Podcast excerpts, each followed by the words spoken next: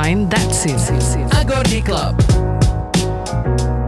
Yes, halo semuanya, selamat datang kembali di Behind That Scene dari agordiclub.com Hari ini gue Pramedinata Prawira bersama produser slash DJ nomor wahid di Indonesia. Anjay. Yang belakangan ini baru saja merilis sebuah single terbaru berjudul You Move Me bersama Monica Karina. Ini juga menjadi pertanda bagi dirinya sebagai artis dari atau roster dari uh, label rekaman Ultra Records ya. Yoi. Untuk itu gue bersama Dipa Kresna Aditya Bagus aka Asik. Dipa Barus. Ah, Assalamualaikum. Ya itu dia. Waalaikum sayang. Ya. Dip, selamat tahun Bian Datsin, apa kabar Dip? Thank you banget deh. Gue udah di mana. Ya, banget deket banget sama rumah gue sih. Oh serius loh? Iya. Yang masih di Kemang gitu bos? Iya masih di Kemang. Iya, iya, oke oke. Terakhir gue wawancara Dipa tuh sekitar dua atau tiga tahun lalu ya Dip. 2017 gue ingat. 2017 ya. Yoi. Waktu itu lo masih baru punya dua single, Iya. yaitu Noxu dan All Good, All good ya benar. di mana sukses banget. Alhamdulillah. Dan setelah dua single itu lu melewati banyak kesuksesan lainnya wow. dan lu berkolaborasi dengan banyak musisi juga kalau gue boleh sebut ada selain kalau ada Nadine ya ada Nayaka, ada Matter Mouse, ada Iya. Ramen Girl, Oh, ada iya. Lace Heeh. dan ada Monica Karina dan ada Raisa, gitu ya. iya. Slang juga pernah slang. Oh, Iya. Sama BCL juga. oh iya, iya, iya, oke.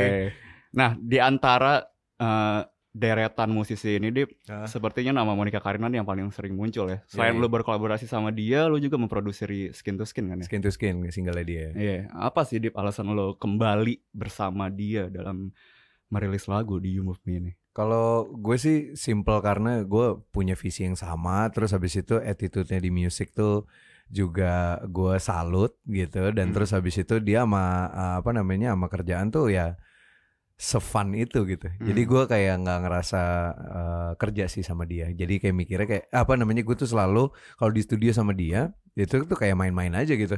Kayak gue lagi nongkrong terus Hmm. tiba-tiba jadi lirik gitu atau enggak kayak gue lagi eh, di pesawat gitu terus habis itu dia kepikiran tiba-tiba misalnya gue ada kayak eh gue ada kayak kepikiran ide lagu bla bla bla segala macam terus habis itu dia langsung aja came up with the lyric tuh gampang banget Oh, Oke. jadi dia eh, apa namanya You Move Me yang baru eh, kelu- karya yang baru keluar sama dia terus habis itu Skin to Skin Manihani itu kayak cuman tiga dari berpuluh-puluh karya yang kita udah buat sebenarnya. Oh gitu. Heeh. Si You Move Me sendiri kapan pertama kali came up tuh? Eh, came up itu em, tahun lalu sih sebenarnya bukan lagu buat bukan Monica Karina jadi ada satu penyanyi tapi gua nggak boleh nih bilang nih apa namanya sama eh, Ultra katanya nggak apa namanya eh, eh, apa nam- nggak boleh di bilang namanya siapa Iya. jadi salah satu penyanyi terus habis itu akhirnya eh karena satu dan lain hal nggak di nggak jadi diambil gitu Oke. dan terus akhirnya eh, pas demonya pas eh, kita buat lagi ini demonya tuh yang buat tuh Monica Karina dan si Monica Karina tuh dia bilang gitu kayak bang lo kalau misalnya ini lagunya nggak jadi lagunya buat gue dong please gitu tapi setiap gue ketemu asal tur tuh ditanyain aja gitu terus kayak Eh. jadi diambil nggak? oh belum tahu nih aduh buat gue dong gitu Oke. jadi emang sebenarnya udah cocok sih dan terus habis itu kita udah denger sama penyanyinya juga yang sebelum apa namanya yang sebelumnya harusnya menyanyikan penyanyi ini kayak emang bilang kayak emang cocok banget sih suara Simon gitu kayak emang ngebawainnya eh, enak banget gitu. Nah, ngomongin tentang lirik dari si You Move Me ini kan Sebenarnya sebenarnya minum ya? silakan silakan. Eh, lagu-lagu lu kan sebenarnya punya eh, message positif gitu ya. Hmm, katanya. katanya. Dan di salah satu You Move Me pun masih punya nuansa itu gitu. Tapi Iya. sama gue denger kayak ini cukup personal buat lu deh.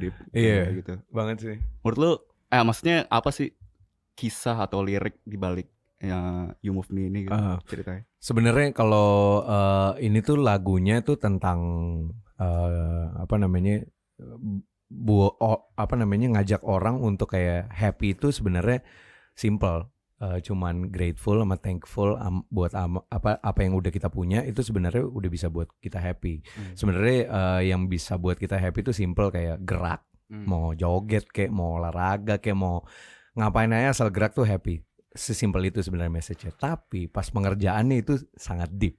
Hmm. Jadi waktu itu gue tuh lagi uh, meditasi di Pyramid of Chi sama Mattermost di mana tuh? di Ubud. Di Ubud. Ah, di Ubud tuh ada piramid tuh. Hmm.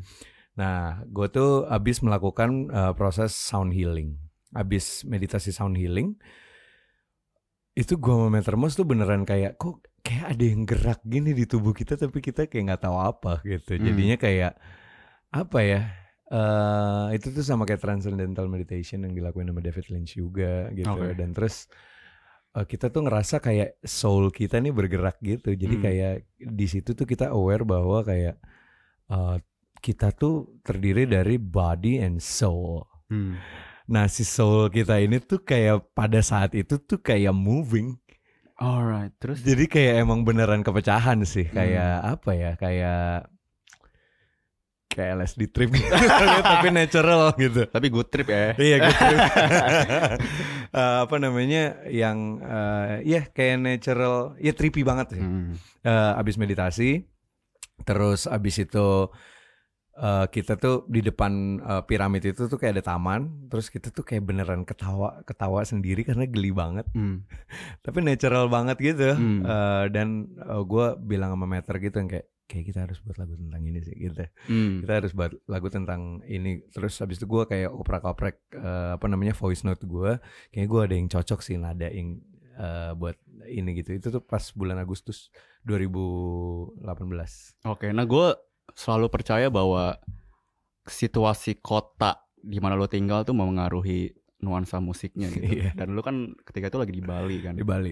Menurut lo apa pengaruh dalam tanda kutip nuansa Bali dalam um, You Move Me gini deh? Eh gue nggak tahu ya, gue asal ngerasa di Bali tuh gue ngerasa kayak eh, apa namanya kayak pulang gitu. Padahal gue dilahirkan di Jakarta dan dibesarkan di Jakarta gitu. Hmm. Tapi katanya sih dulu bokap gue sama nyokap gue buatnya di Bali. honeymoon ya honeymoon. Jadinya eh apa ya? Kayak gue sih, gue ngerasa selalu apa ya?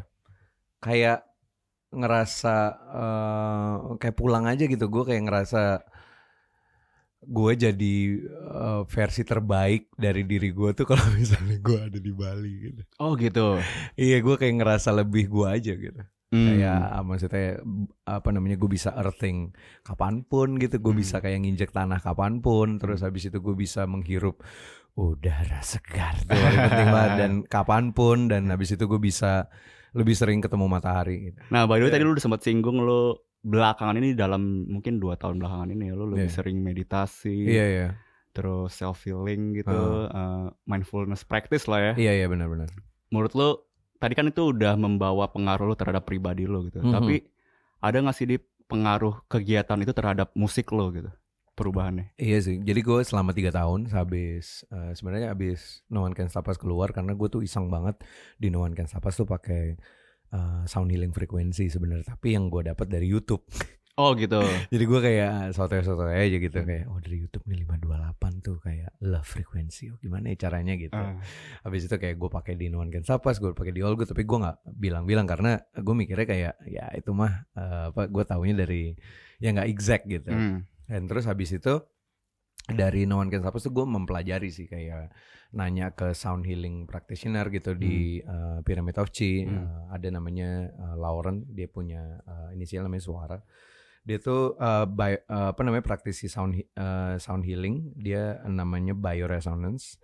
Dan gue dikasih referensi yang banyak gitu bukunya dan akhirnya gue pelajarin itu dari Hmm. dua buku yang dia kasih uh, tentang beberapa frekuensi yang bisa menyembuhkan gitu Oke. dan dari situ gue belajar gitu dan gue pakai si apa namanya kayak si suara-suara ini di beberapa lagu gue setelah uh, All Good gitu Oke. termasuk di You Move Me ini gitu Hmm. tapi sebenarnya frekuensi itu nggak exact karena uh, frekuensi sound healing itu bisa beneran uh, sangat berpengaruh kalau misalnya medianya tuh udah diatur gitu kayak misalnya ruang- tepat gitu. Uh, media tepat gitu kalau misalnya eh, apa namanya mixingnya pakai speaker itu di 528 gitu terus di elemen itu 5 528 habis itu kalau misalnya kita denger di tempat lain yang frekuensinya bukan 528 ya nggak exact gitu. Oke. Heeh. Dan itu semua lu pakai sekarang di Iya. karya lu. Termasuk yang lu menjadi produser atau karya lu doang? Eh, karya gue sih. Oke. gue takut kalau misalnya lagu-lagu orang pesanan orang gitu kayak loh kok ini kok ada dukun-dukun dukun fight. Nah ini di You Move Me juga Balik lagi ke You Move Me di Ah. Musiknya ini kan masih ada pengaruh Pentatonic world musicnya gitu Iya. kan Ini formula lu banget gitu dari Ah. Noxo gitu Hmm. Kenapa Dip lu masih menggunakan formula ini gitu Sebenarnya eh, gue apa ya? Eh, gue dari yang pas habis kolaborasi sama Raisa, habis itu gue pengen kayak gue pengen lagi dah buat lagu eh, apa namanya pakai instrumen yang udah pernah gue sampel kayak gamelan rindik lah, Hmm. terus habis itu eh, beberapa gamelan Jawa yang gue pakai di No One Can Us sama All Good. Akhirnya gue pakai di You Move Me gue kayak coba lagi gitu, tapi gue eh, kali ini gue mau coba sama gospel choir deh gitu, terus Hmm. sama nadanya lebih eh, apa namanya gospel chord gitu. Karena eh, formula ini kan eh, bisa dibilang sekitar dua tahun lalu deh kalau nggak salah tahun lalu. mendapat respons positif dari dua musisi legendaris ya Oh iya sih itu si gue Guru Soekarno Putra dan almarhum ya. almarhum Yoki Iya. di mana bisa dibilang kita ta- kita sama-sama tahu bahwa dua musisi ini kan dalam tanda kutip musisi paling nasionalis gitu yang anti bahasa Inggris anti tapi tiba-tiba pas denger lagu lu mereka terpancing untuk itu itu gue sempet kayak bingung loh. Gue sampai kayak nanya ke Teguh gitu. "Eh, Ini lo rekayasa. ini ada skrip ya by the way gue orang Sounds from the Corner ya enggak enggak, gue gak nanya itu. Bercanda gue bercanda. Eh, apa namanya? Gue nggak nyangka sih gue pas pertama kali eh, apa namanya eh, lihat eh, apa namanya video itu tuh gue lagi di kereta. Gue inget banget. Gue Hmm. lagi tour. Gue gak nyangka sih. Gue beneran itu kayaknya pada saat itu penghargaan yang paling tinggi gue dapetin tuh ya ada apa namanya komen dari mereka sih. Hmm. Asli. Nah, eh, by the way ini setelah melewati beberapa kesuksesan yang tadi gua sempat bilang gitu, Hmm. panggung-panggung di Pabarus ini semakin mewah dan meriah gitu ya. Lo sebenarnya apa sih Dip yang membuat lo kayak kemarin misalkan yang di Widow Fest 2019 sampai Hmm. bawa eh, drum band gitu ya. Itu sebenarnya tujuan-tujuan kayak gitu tuh engagement ke penonton tuh seberapa berpengaruh sih? Soalnya gue gue pengen kayak gini sih. Gue tuh uh, berasal dari uh, music fan gitu. Gue Hmm. tuh uh, apa namanya kalau misalnya suka sama artis sama kayak lo aja kayak suka sama artis, beli merchandise, beli uh, musik fisiknya, datang ke konsernya Hmm. gitu. Dan terus habis itu dapat pengal apa namanya punya cerita sendiri. uh, apa namanya sama si artis itu pas ngelihat uh, momen-momen konsernya gitu. Hmm. Nah, gue juga pengen uh, melakukan hal yang sama uh, ketika gue buat show sendiri. Hmm. Jadi pas gue dulu punya impian sih kalau misalnya gue punya show gue pengen banget ada gospel choir, gue pengen ada uh, drum band sama uh, brass section gitu. Hmm. Nah akhirnya gue kayak wujudin kemarin tuh di With the Fest gitu. Hmm. Terus habis itu uh, ya akhirnya bisa kejadian dan responnya sih ya positif ya. Hmm. Gue sih seneng. Gue tuh tujuannya cuman pengen nge-create uh, apa ya namanya uh, momentum dan memori yang baik buat yang nonton show gue gitu. Hmm. Nah ngomongin manggung nih, Hmm. eh, bisa dibilang kan lu bermusik sekarang meaningnya udah lebih deep gitu. Lu mencoba spread message yang lebih dalam Hmm. Iya, gitu. iya. Tapi di sisi lain, at some Hmm. point tuh lu menghibur Iya. orang-orang tengah malam yang Iya. sebenarnya dalam keadaan gak sadar juga gitu. Itu jadi kayak apa sih kayak eh, Apa ya? kontra kontra ya ada Gitu ada message yang kontradiksi. Sebenarnya iya tapi gue gue yakin kayak gini sih Pram kayak misalnya eh, kalau misalnya gue terlalu deep untuk mikirin kayak wah ini tuh eh, message-nya keterima nggak ya? Hmm. kan gue tuh maunya deep gitu. Gue sih mikirnya kayak gini gue eh, apa namanya gue apa yang mau gue sampein gue sampein sejujur-jujur mungkin aja dengan bahasa yang eh, apa namanya sudah gue pilih gitu di Hmm. musik gue mau orang nerimanya kayak gimana sih ya itu terserah dia sih kayak misalnya orang klub malam gitu kayak misalnya mereka eh, nggak sadar lah atau kayak Hmm. gimana gitu tapi eh, at least gue udah pernah nyampein eh, apa namanya yang harusnya gue sampein Hmm. gitu gitu kayak misalnya gue buat eh, show eh, misalnya kayak main di Soundrenalin kemarin gitu Hmm. gue pakai intro eh, lagu Papua lah Hmm. terus habis itu tiba-tiba gue mainin Superman is Dead gitu. terus habis itu eh, apa namanya emang itu kayak apa yang nggak gue rencanain sih Hmm. dan gue pengennya ya mereka juga bisa eh, nerima energi yang gue apa kasih gitu karena gue ngasihnya jujur gitu Hmm. Iya. Nah by the way ngomongin eh, Dipa Barus yang selalu merilis karya dalam bentuk single gitu ya, secara Hmm. eceran gitu. hmm. Gue setiap ngobrol sama musisi gitu deh, kayak lu tuh jadi kayak benchmark gitu loh kayak waduh kayak lihat tuh Dipa tuh single aja masih jalan-jalan aja gitu dalam urusan ngerilis karya dalam album ya. Ah. Lu sendiri sama tim nih sama Pony Orton Hmm. apa alasan dibalik lo selalu merilis single di apa lo hanya mager aja nge album gitu atau emang ada kepentingan lain gitu? Kalau gue sih emang on the way to album sih, Hmm. gitu. Jadi single-single ini gitu. Tapi ya kita sih eh, kalau di Pony Orton mereka ngasih kebebasan kayak dan di Ultra juga mereka mengasih kebebasan gitu. Hmm. Tapi kalau Ultra kebebasan itu mereka berharapnya ada eh, apa namanya dalam sebuah album gitu. Karena kalau misalnya di eh, industri dance music di Amerika yang mereka lebih berpengalaman gitu udah eh, udah lebih dari satu dekade gitu. Eh, mereka udah di EDM industry di untuk worldwide mereka bilang kayak penting banget untuk adanya album gitu tapi Oke. dibebasin ke gua tapi gue emang on the way to album sih dan gue nggak pengen kayak buat album eh, apa namanya yang ngasal gitu Nah, apa tuh bentuk ideal album menurut lo? ideal album tuh kayak gue baca buku aja gitu kayak kayak film gitu kayak apa namanya ada intronya ada apa namanya plotnya yang jelas gitu tengah-tengahnya dan terus habis itu ada uh, ending yang cukup mindfuck gitu Twistnya gitu ya? Iya gitu Iya. maksudnya kayak gue nonton film director favorit gue aja kayak nonton filmnya Wong Kar Wai lah kayak nonton filmnya Kubrick gitu Hmm. iya sih Nah, tadi lu sempat singgung Ultra Records nih, bisa diceritain nggak di awal eh, first Hmm. Masuk ya? boundingnya nama Ultra? eh jadi waktu itu gue tuh lagi nonton ini agak aneh sih ceritanya ajaib ya kayak eh, bulan Maret ya bulan Maret April tahun lalu itu tuh kita lagi nonton eh, Ultra Music Festival live stream Hmm. Eh, nonton Steve Aoki eh Swedish House Mafia Lah, emang ada lagi tuh? reunion kan Oh gitu. Nah, gue juga baru tahu pada maaf, maaf, maaf. terus, terus. oh parah nih Ultra. Kayak denger aja sih Ultra. terus terus. Nah, jadi gue sebenarnya waktu itu kita lagi makan siang ya Ben nih. Kita lagi makan siang terus habis itu nonton, oh no, Swedish House Mafia nih reunion, ya nonton live streamnya. Ya, wah gila epic ya bla bla bla. Terus habis itu si manajer gue si II ditelepon gitu plus one. Wah, Oh kode Amerika. Amerika eh, terus dia telepon dia bilang ini dari Ultra Music terus habis itu kita mikirnya kayak wah prank call nih prank call gitu Anjir aneh banget terus. aneh aneh banget terus ya udahlah gua- tapi gue udah ngasih ini sih gue udah uh, message dia uh, i message dia email gue ya siapa tahu aja ya nggak sih Hmm. kalau orang ngerjain juga ya ladenin aja kata masih kayak gitu Hmm. terus akhirnya oh, pas email tuh at ultra music gitu. Makanya gue kayak sama anak-anak ini beneran sih? Gitu.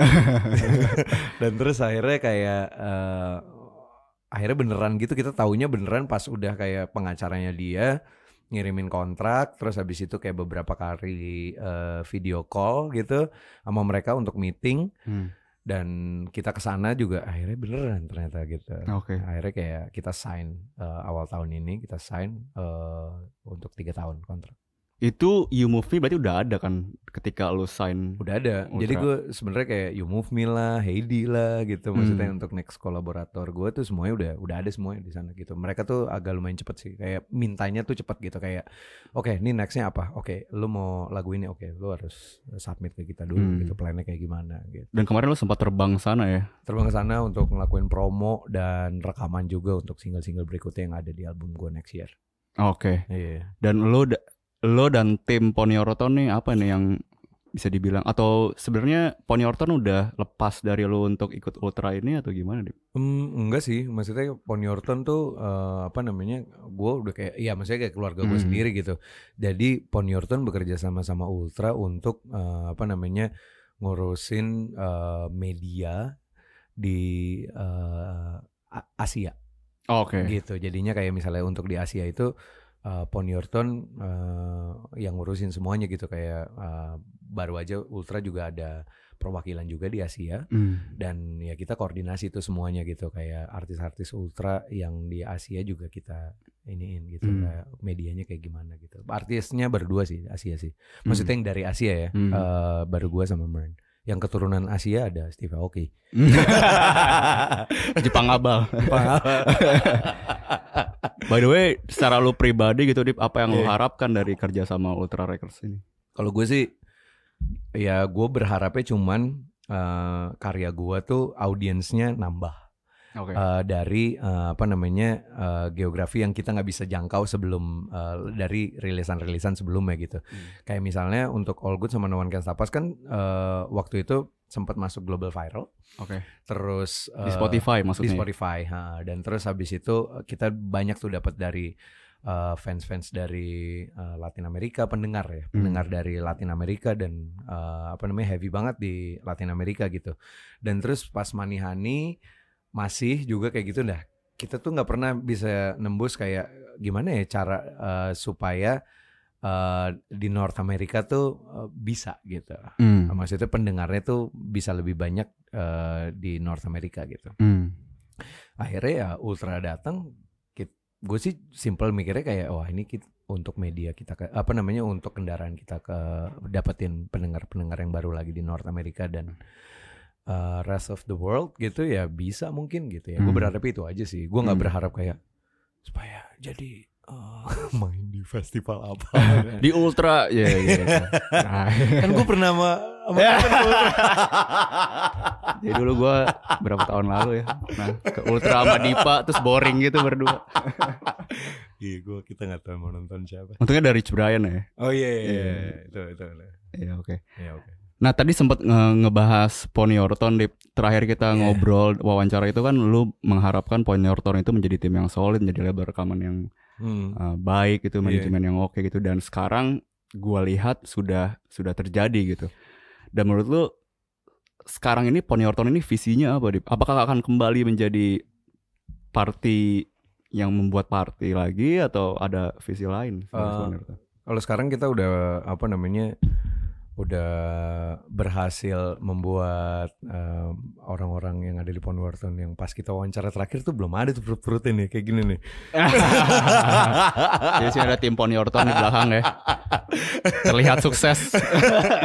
Enggak, jadi kalau kalau Pondworton gue pengen eh, apa namanya cari talent-talent lagi yang eh, sevisi sama kita Hmm. dan terus habis itu banyak rilisan yang bakal keluar ada Hmm. dari Mattermost, Monica Karina dan Cayman dan Andre juga dari Andre Dan dan terus Heidi juga baru masuk Heidi. dan ada rilisan juga dari Heidi Eh, dan gue sih ke depannya tuh pengen dari setiap dari talent-talentnya tuh punya activation sendiri sama karya-karyanya Oke. Heeh, jadi kayak misalnya Mattermost punya acara sendiri, Monica Karina punya acara sendiri. Emang kita tuh lagi build ke arah situ sebenarnya gitu. Hmm. Jadi kayak apa ya? eh, ada selain bisa showcasing music eh, dari talent-talentnya sendiri dan juga bagi gua apa ya? eh, kayak lebih eh, pendengar pendengarnya misalnya kayak pendengarnya Monica Karina atau pendengarnya Mattermost gitu bisa kayak lebih sering eh, apa ya ketemu dan apa namanya ngerti me- roots message si Mattermost tuh dan Monica Karina itu kayak gimana gitu. Hmm. Jadi kalau misalnya punya acara sendiri kan konsepnya konsep mereka Sendiri, lah hmm. dan terus habis itu mau bentuknya kayak gimana ya terserah mereka gitu. Hmm. Nah, gitu Berarti sejauh ini rosternya siapa ya tuh ya Pony Orton? On Your Turn kalau penyanyi eh, kita ada apa namanya Monica Karina, terus ada Heidi ya. Terus habis itu eh By the way, kalau ada yang belum tahu Heidi tuh Heidi the girl The with Girl the with the hair. Hair, iya. Terus? No offense banget sih. Iya. Terus siapa lagi? Eh, apa namanya kalau rapper ada Mattermost, terus DJ-nya dan produser ada Andre Dan, Kaimen sama Embe, Hmm. MBE gitu. MBE. Kayak gelar ya. Eh, MBE, eh, terus habis itu ada San Mantra. Hmm. eh Iya baru itu aja sih. Habis itu kita kemarin juga baru apa namanya ada beberapa talent tuh yang kita mau ajak kerja sama untuk keluar di Pond Yorton juga Hmm. ada Noni segala macam. Hmm. By the way, K-Man dan MBE ini kan long time Yoi. co-producer lu kan. Heeh. Kenapa Dari- tuh Dip lu terus mempercayakan dua anak muda ini gitu? Karena apa ya karena gue kayak gini co-producer tuh tugasnya di di gue tuh adalah second opinion kan Hmm. Eh, ya mereka tuh udah tahu aja Hmm. kadar gua udah kelamaan di studio terus BM gitu dan Hmm. terus semua elemen musik gua masukin gitu gue sering banget tuh kayak gitu Hmm. kayak eh, misalnya kayak pilihan eh, keys gitu pilihan keys tuh ada tujuh sendiri Hmm. terus pilihan layer oh gue kebanyakan layer sih dan mereka tuh udah tahu kayak wah ini orang kelamaan di studio ini kayaknya ini udah ini ini lo lebay ini tuh eh, apa namanya nggak perlu apa apa segala macam mereka udah tahu gitu jadi Hmm. kayak ya susah juga sih kalau misalnya Karya-karya yang di Ultra juga masih melibatkan mereka. masih masih masih mereka sebagai second ear gue gitu Oke. Heeh.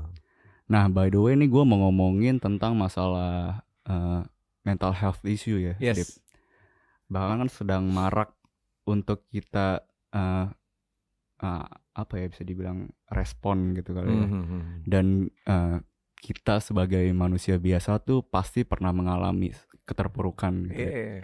Lu pernah bilang kalau gue kalau lu tuh eh, pernah mengalami hal-hal seperti itulah gitu. Iya, iya. Ketika lu mengalami hal Mhm. seperti itu, Mhm. apa yang lu lakukan sehingga lu bisa melakukan uh, turning point gitu di Oke. ketika mengalami ya ketika mengalami ya. Kalau gue sih simply lo kalau misalnya gini, kalau lo sadar lo lagi down, lo sadar lo tuh lagi sedih banget, lo jangan sekali-sekali untuk eh, berusaha untuk menjadi positif. Itu bullshit ya bagi gue. Hmm. Kayak kalau lo lagi saat lo lagi jatuh, lo berusaha kayak enggak kok. Ini tuh nggak apa-apa kok. Ya kalau misalnya sedih sedih aja. Hmm. Itu yang pertama kali gue bilang eh, lo tuh harus aware untuk lo ngelakuin turning point. Jadi lo tahu lo posisinya di mana. Oke, ini gue lagi sedih. Lo sadari semuanya. Sadari penuh ya. Hmm. Kayak lo lagi sedih, gue lagi jatuh, gue lagi terpuruk. Ya gue tahu. Dan biarkan badan lo tuh beristirahat dulu gitu. Hmm. Biarkan badan lo tuh kayak mm, apa namanya? Ya ya jujur aja gitu. Selain lo Hmm. ya jujur ya badan lo juga harus jujur. Lo istirahat dulu. Terus habis itu eh, dan jangan melakukan plan apa pun pas lo lagi terpuruk gitu kayak Hmm. aduh nanti jangan usahain jangan worry dulu gitu Hmm. karena bagi gue yang membuat eh, tambah worse tuh adalah kayak lo ketika lo lagi jatuh terus lo memikirkan hal yang belum terjadi akibat dari kejatuhan ini kayak nanti gue makannya apa ya Hmm. padahal belum kejadian lo kan kayak Hmm. nantinya makannya apa Hmm. kan masih besok Hmm.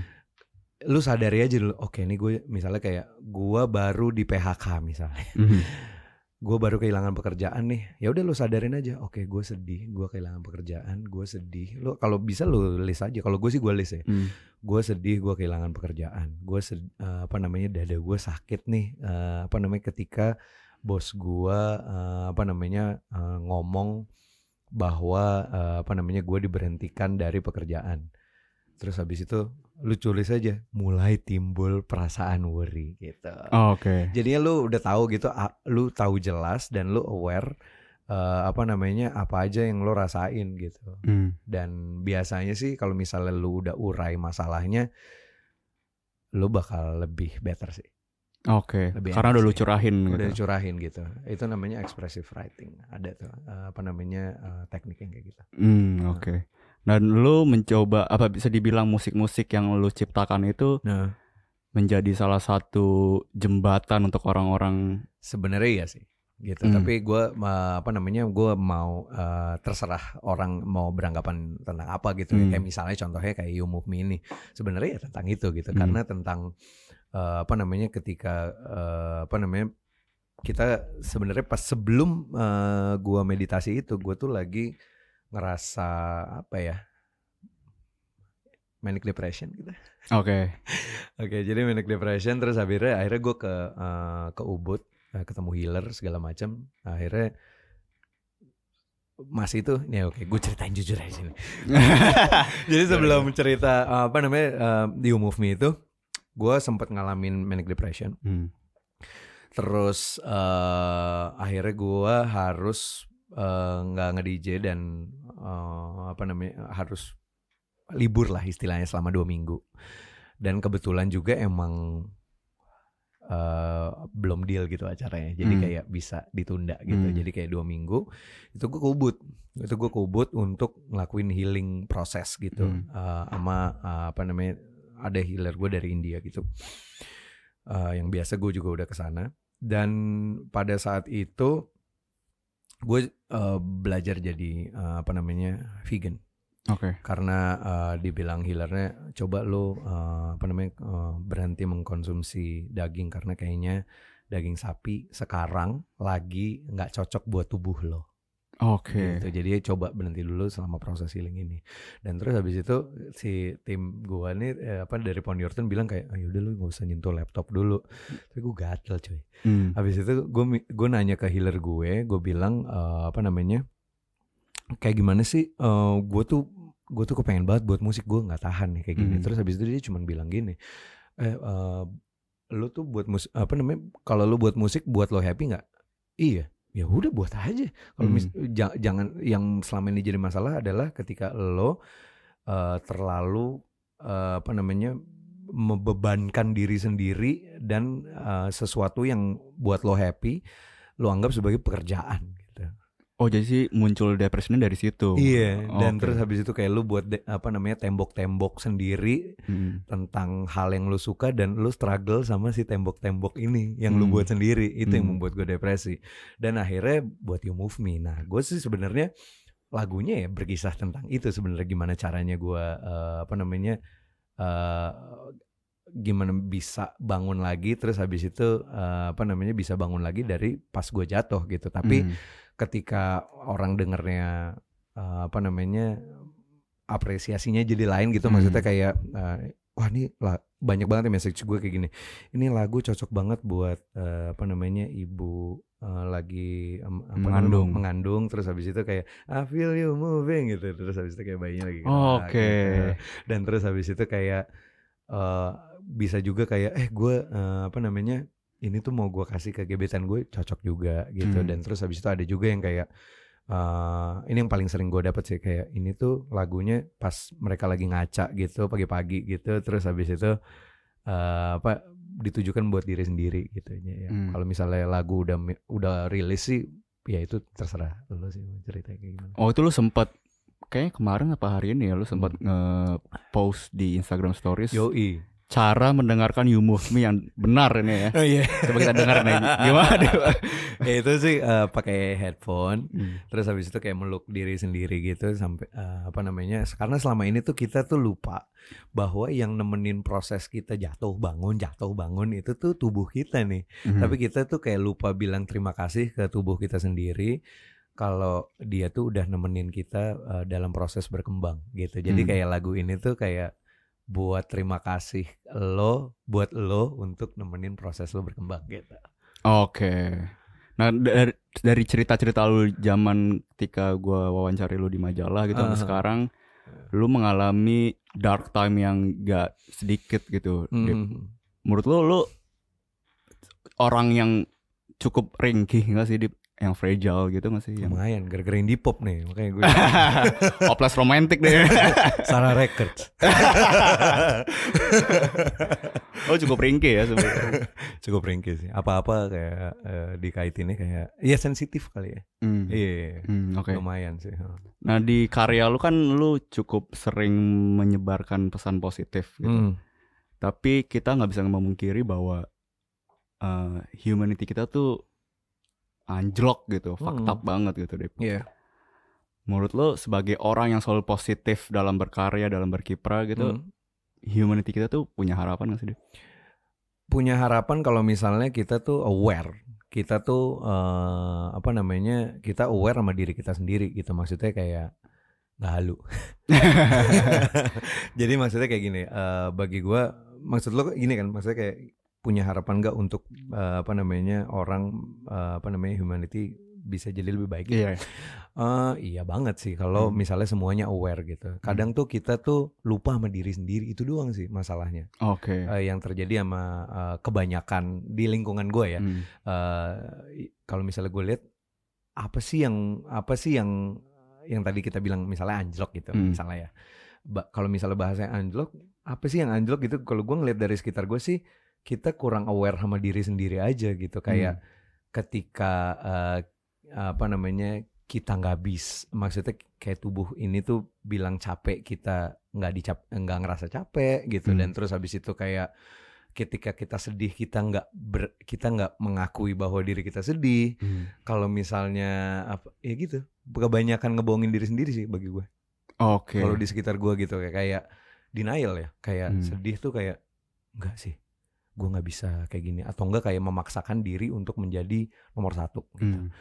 dan terus apalagi yang biasanya membandingkan eh, scene 15 detik di instastory orang dengan behind the scene kita itu kan yang Hmm. sering terjadi gitu itu Hmm. bagi gue tuh kayak karena lu kurang aware gitu karena lu kayak em, kurang aware bahwa eh lu tuh eh, sebenarnya hal banyak yang lu bisa syukurin gitu lu masih bisa Hmm. nafas Hmm. bisa nafas lu bisa ngelanjutin eh, apa namanya kerjaan dan bisa eh, nge-reach goal lu segala macam gitu. Nah, hal-hal yang kayak gitu yang kita kurang aware sih bagi gue. Hmm. Justru kita harus embrace Iya. perasaan kita sendiri. Gitu. Iya dan embrace apa yang ada sekarang aja lah gitu. Hmm, Oh. Oke. Nah balik lagi ke bekerja sama dengan Ultra nih Dip. Yoi. Kan bisa dibilang tadi lu sempat singgung bahwa banyak lagu Dipa Barus itu masuk ke playlist nggak cuma di Indonesia, cuma Iya. tapi di negara-negara lain termasuk yang Hmm. top global gitu gitu. Yep. Sebagai musisi yang karyanya bisa dibilang sudah melalang buana dalam katakanlah dalam bentuk digital gitu ya. Hmm. Menurut lu uh, kesempatan musisi Indonesia di pasar global tuh sekarang gimana sih? Oh, kesempatan Indonesia sih ya gede banget gitu. Maksudnya kita lihat eh, banyak banget musisi Indonesia yang udah eh, apa namanya eh, apa ya, udah punya fans dari luar gitu. Hmm. Ya, kesempatannya banyak banget lah gitu. Maksudnya kayak emang kesempatannya udah terbuka lebar di era digital ini Hmm. gitu ya. Orang udah punya eh, misalnya kayak banyak sih kayak misalnya bottle smoker kayak Hmm. dia punya fans bukan di Indonesia doang. Iya. Iya maksudnya kayak punya fans banyak banget gitu. Hmm. Kayak misalnya eh, Rich Brian, Hmm. dia punya fans bukan dari Indonesia doang gitu. Tapi dari sini sih gue ngelihatnya bukan eh, Indonesia punya kesempatan, tapi kayak berarti semua orang punya kesempatan, semua orang tuh jalannya udah digampangin gitu.